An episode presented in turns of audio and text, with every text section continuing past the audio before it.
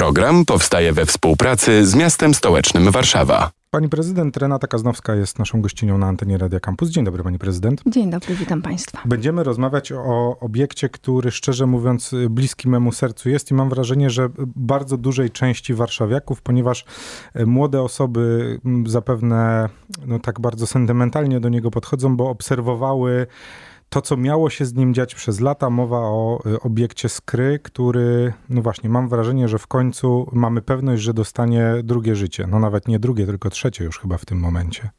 Bardzo na to liczymy. Przed nami jeszcze sporo wyzwań, ale mam takie poczucie, że te najtrudniejsze za nami. No przede wszystkim odzyskiwanie skry. Zajęło nam to prawie 12 lat.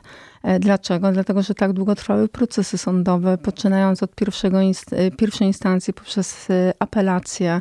Bardzo, bardzo długi proces, który też zakończył się dopiero wejściem komornika na teren nieruchomości, ponieważ poprzedni właściciel RKS Skra nie chciał tego obiektu wydać dobrowolnie. Bardzo szkoda, to też był bardzo trudny czas, przede wszystkim dlatego, że myśmy patrzyli, jak skra niszczeje. To zresztą było też powodem, dla którego zostało cofnięte wieczyste użytkowanie. Sąd Najwyższy podzielił nasze racje, że skra jest zaniedbana, jest w stanie śmierci technicznej e, i wymaga modernizacji, której raczej nie należy spodziewać się po dotychczasowym wtedy zarządzającym. Odzyskaliśmy y, skrę po naprawdę bardzo długich latach batalii, co zastaliśmy na miejscu. Zastaliśmy bardzo wiele jeśli dobrze pamiętam, chyba 38 podmiotów, takich jak hurtownia elektryczna, wulkanizator, parking, giełda, restauracja i tak dalej, i tak dalej. Trudno było doszukiwać się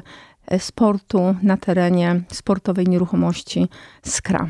Więc ten pierwszy etap był bardzo trudny, ale jak tylko odzyskaliśmy skrę, wiedzieliśmy, że należy zacząć porządkować. No dodajmy, że y, sam obiekt sportowy był po prostu nieczynny i wyłączony z jakiejkolwiek możliwości wejścia tam do momentu odzyskania go przez miasto. Tak, tam było kilkadziesiąt, dokładnie. Teren cały był y, zamknięty, pogrodzony na różnego rodzaju strefy. Mm, odbywała się działalność gospodarcza przede wszystkim, natomiast sportu jako takiego prawie nie było. Mówię prawie, dlatego że po części jeden z klubów sportowych wykorzystywał. Na przykład bieżnię, która była w zupełnie przyzwoitym stanie w koronie stadionu głównego lekkoatletycznego, który to z kolei stadion jest ruiną, e, jeśli chodzi o stan techniczny tego obiektu, ale poza stadionem głównym lekkoatletycznym na terenie całego obiektu było kilkadziesiąt różnego rodzaju obiektów, y, but, shop y, powstałych jako samowole budowlane, więc myśmy przede wszystkim y, przeprowadzili cały proces porządkowania tego ponad 20-hektarowego terenu, sprzątania, usuwania przede wszystkim zagrożeń. Zajęło nam to kilka miesięcy, 9 milionów złotych. Teren jest w tej chwili oddany do dyspozycji jako uporządkowany teren, natomiast w, trudno mówić o powrocie funkcji sportowych.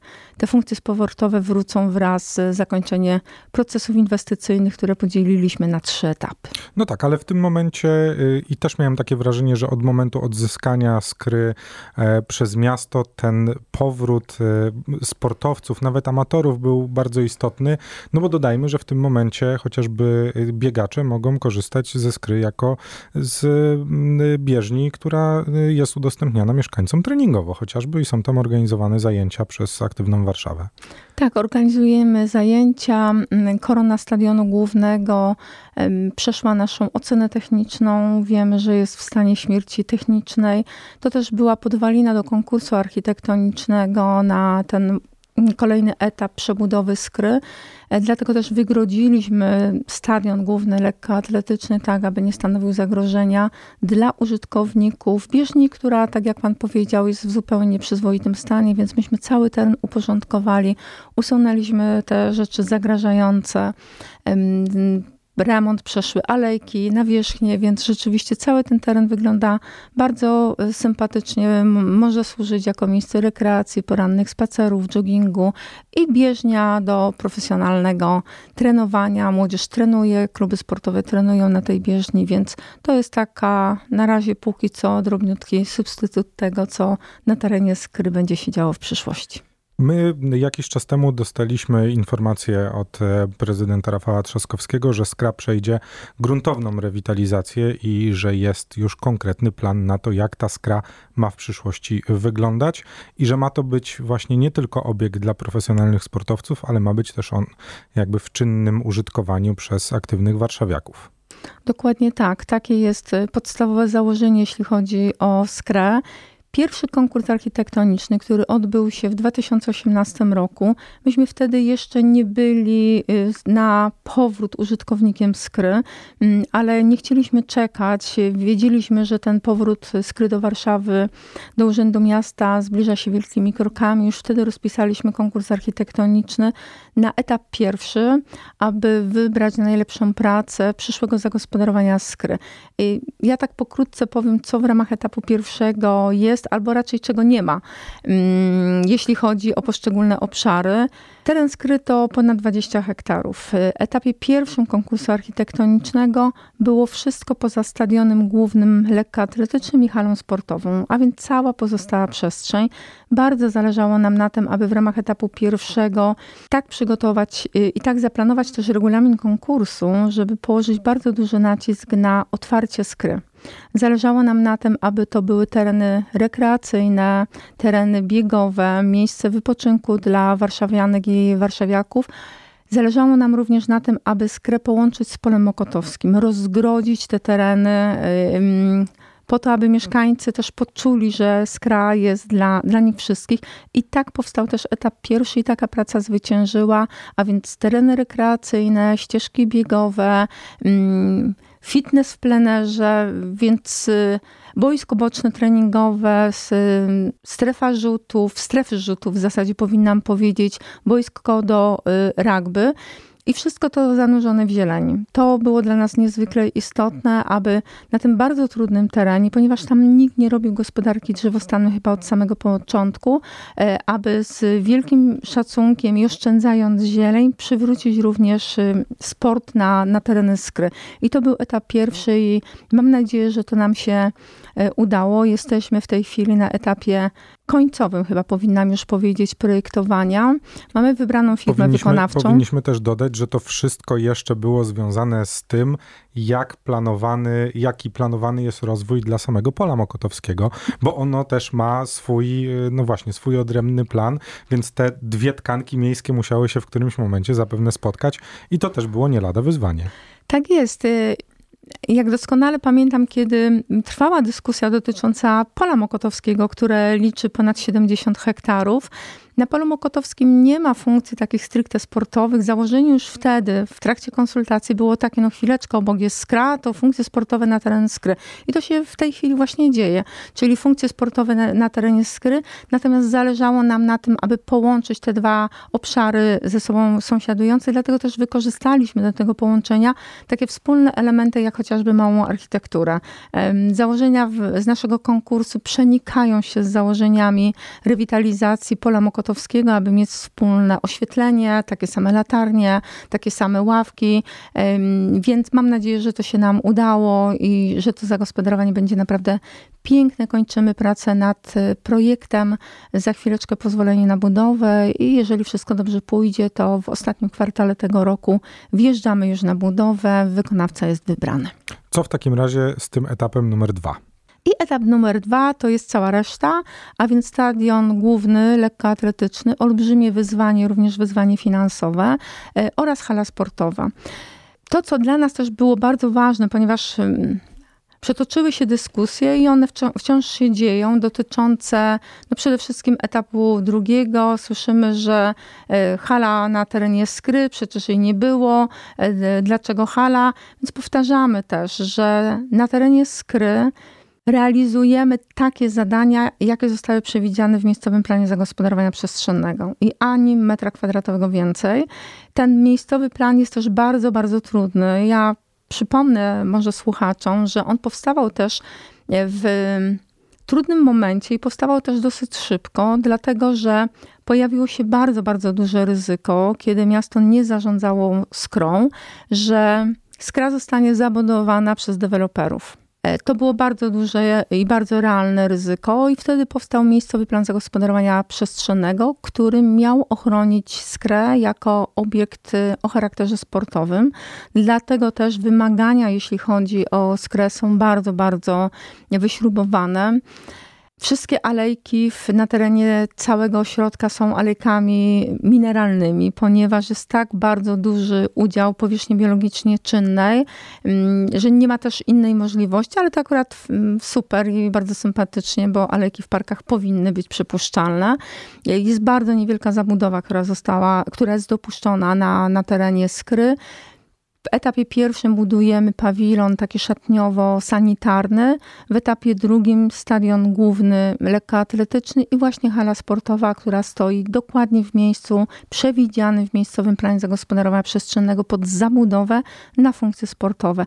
Więc chyba... Mm, bardziej y, y, ciekawej i bardziej sportowej funkcji, jak hala sportowa, nie można sobie wyobrazić. Więc te dwie inwestycje w etapie drugim w podziale na podetapy, a więc hala jako etap pierwszy w drugim etapie i stadion główny jako etap drugi. No tak, bo my y, z jednej strony myśląc o tej bieżni, która no, czasy swojej świetności ma już za sobą, ale jej rewitalizację i dobudowanie do niej krytych trybun też zapewne będzie punktem przełomowym na mapie Warszawy, no bo najbliższy stadion lekkoatletyczny, który mógłby pełnić taką funkcję, proszę mnie poprawić, to warszawski AWF który umówmy się, no, powierzchnię ma taką, jaką ma, chyba nie nadaje się zbytnio do organizowania imprez rangi, nawet wydaje mi się, Mistrzostw Polski, więc taki obiekt jest nam raczej niezbędny. Jeśli mówimy o hali, no to ta batalia i ta dyskusja też toczy się tak na dobrą sprawę od lat, no bo y, wiemy bardzo dobrze, gdzie kiedyś grywali nasi koszykarze, y, czy to z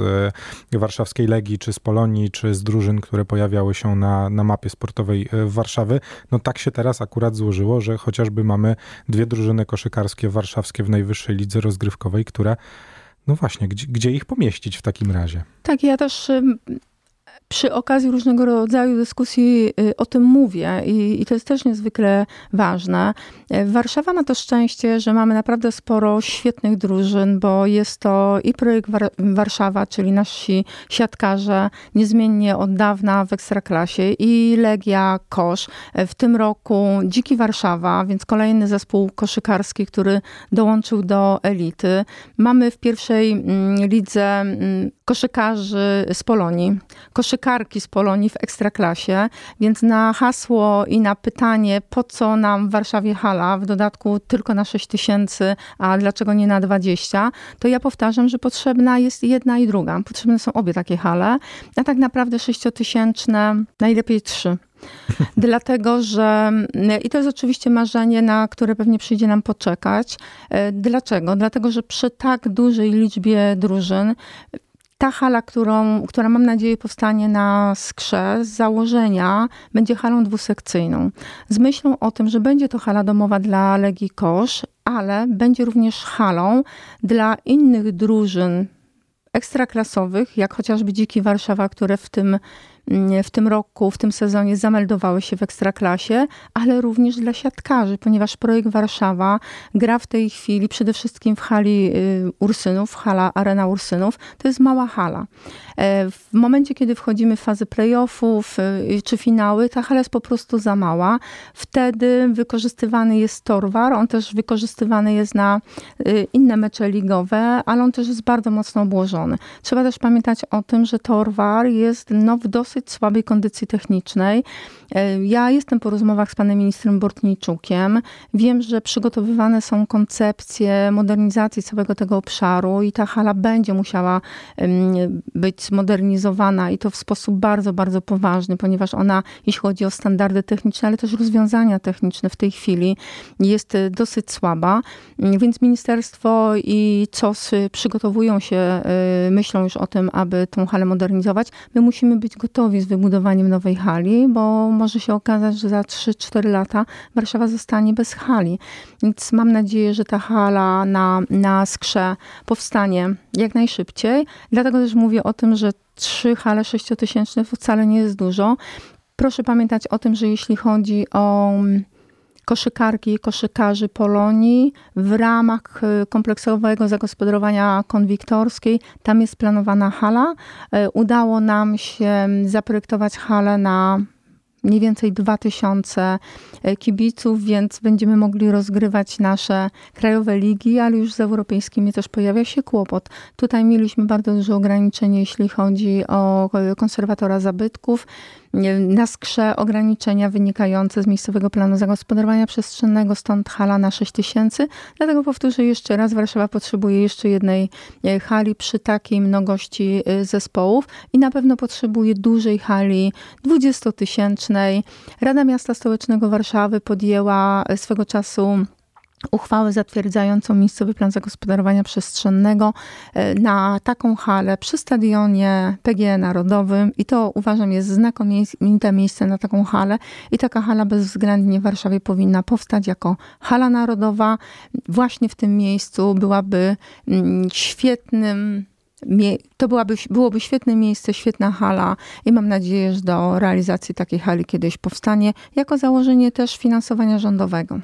E, skoro powiedzieliśmy o tych e, planach na e, tą rewitalizację i tak na dobrą sprawę przywrócenie skry do tkanki miejskiej, to kiedy możemy oczekiwać tego, że no właśnie, my już teraz wiemy, że biegacze mogą na przykład po skrze biegać, ale jak odległe albo jak bliskie są to plany, bo wspomniała pani, że trzeci, czwarty kwartał 2023 roku to start kolejnego etapu tam na skrze. Tak, z końcem tego roku to start y, etapu pierwszego i tam będzie też można biegać mm, rzeczywiście. Tam też będzie można biegać, ponieważ y, to będzie boisko y, boczne treningowe, taki stadion rozgrzewkowy do stadionu głównego, ale planowana jest bieżnia sześciotorowa, więc będzie można rozgrywać zawody również na tym bocznym stadionie.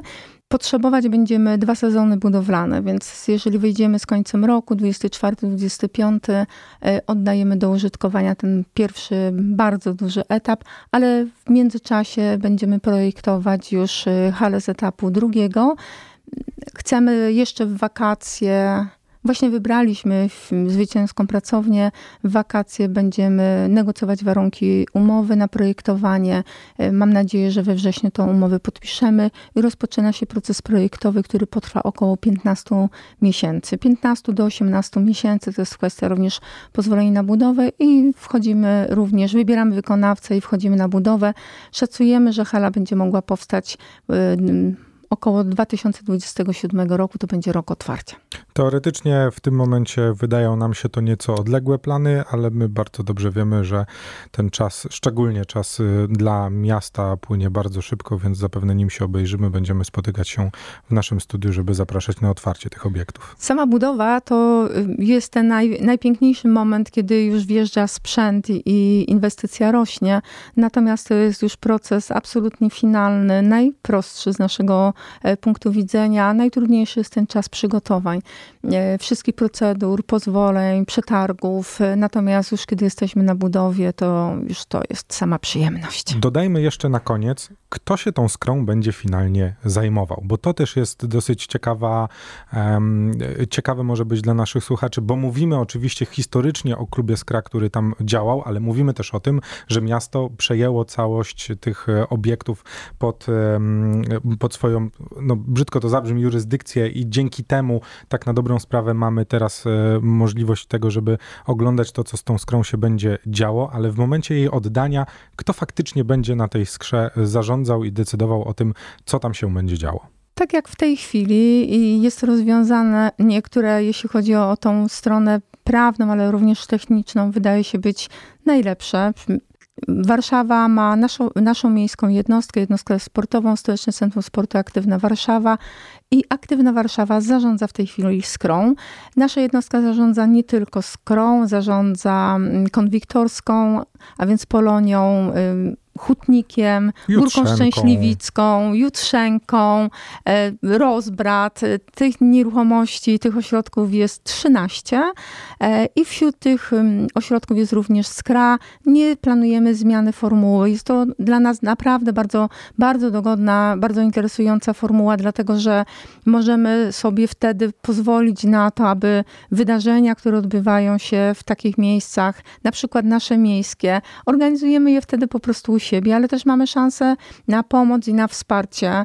Mieszkańcy, mieszkanki wchodzą na tereny obiektów nieodpłatnie, tak jak w przypadku Skry, gdzie mamy otwarte, otwarte przestrzenie. Oczywiście nie mówię o y, cennikowanych, o biletowanych, wydarzeniach, ale to jest bardzo dogodna forma zarządzania miejskimi e, nieruchomościami sportowymi i na Skrze nie planujemy żadnych zmian. Skrą zarządza i będzie zarządzać aktywna Warszawa. To ja ze swojej strony biegowej dodam tylko tyle, że jeśli ktoś szuka zajęć, to polecamy zerknąć, co Aktywna Warszawa oferuje, bo tych zajęć w całej Warszawie jest tyle, że na pewno ktoś znajdzie coś dla siebie, a może to też być pewnego rodzaju odpowiedzią na pytanie, co będzie działo się na skrze, e, gdy dojdzie już faktycznie do tego finalnego momentu otwarcia tych obiektów. Będzie się działo na pewno Aktywna Warszawa i tak odsyłam i zapraszam na stronę Aktywnej Warszawy, ponieważ realizujemy bardzo, bardzo wiele programów sportowych. One wpisane są do naszej miejskiej strategii Warszawa 2030, usługi bliżej domu. To co ważne, te programy są też programami dedykowanymi. Jest program na przykład Aktywny Senior, jest program Aktywna Mama.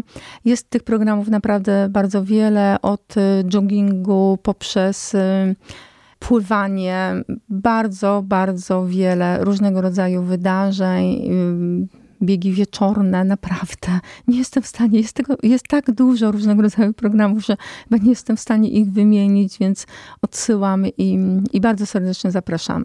Zastępczyni prezydenta miasta stołecznego Warszawy, pani Renata Kaznowska była moją gościnią na antenie Radia Campus. Pani prezydent, bardzo dziękuję. Również bardzo dziękuję. Program powstaje we współpracy z miastem stołecznym Warszawa.